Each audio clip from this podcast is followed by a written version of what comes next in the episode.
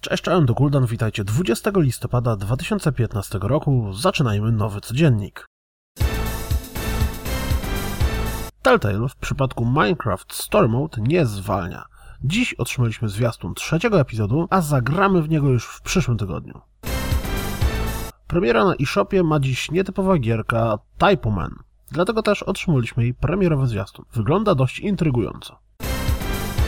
Otrzymaliśmy również nowy zwiastun Just Cause 3, który mi osobiście przywodzi na myśl jakiś mocno pojechany film akcji. Chcę to. Pojawił się pierwszy zwiastun Read Only Memories i zapowiada się bardzo interesująco.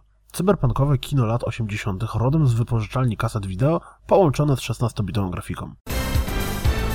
Lightning Returns Final Fantasy XIII pojawi się na Steamie 10 grudnia. Tak z czystej ciekawości, czy ktokolwiek z Was ma zamiar w to zagrać?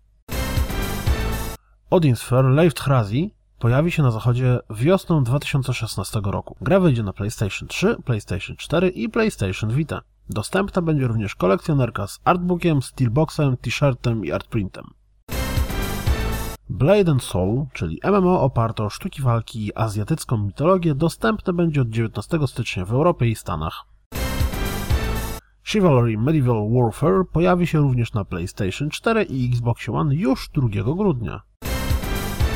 Beyond Two Souls w zremasterowanej wersji pojawi się na PlayStation 4 już 26 listopada. Dla odmiany w Heavy Raina zagramy na początku marca. Obie gry dostępne będą w cyfrowym sklepiku.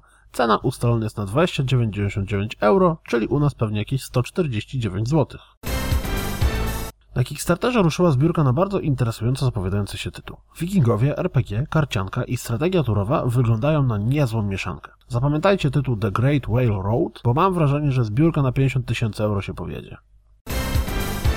Wszystko, co będzie związane z Euro 2016, posiadacze PESA 2016 dostaną za darmo.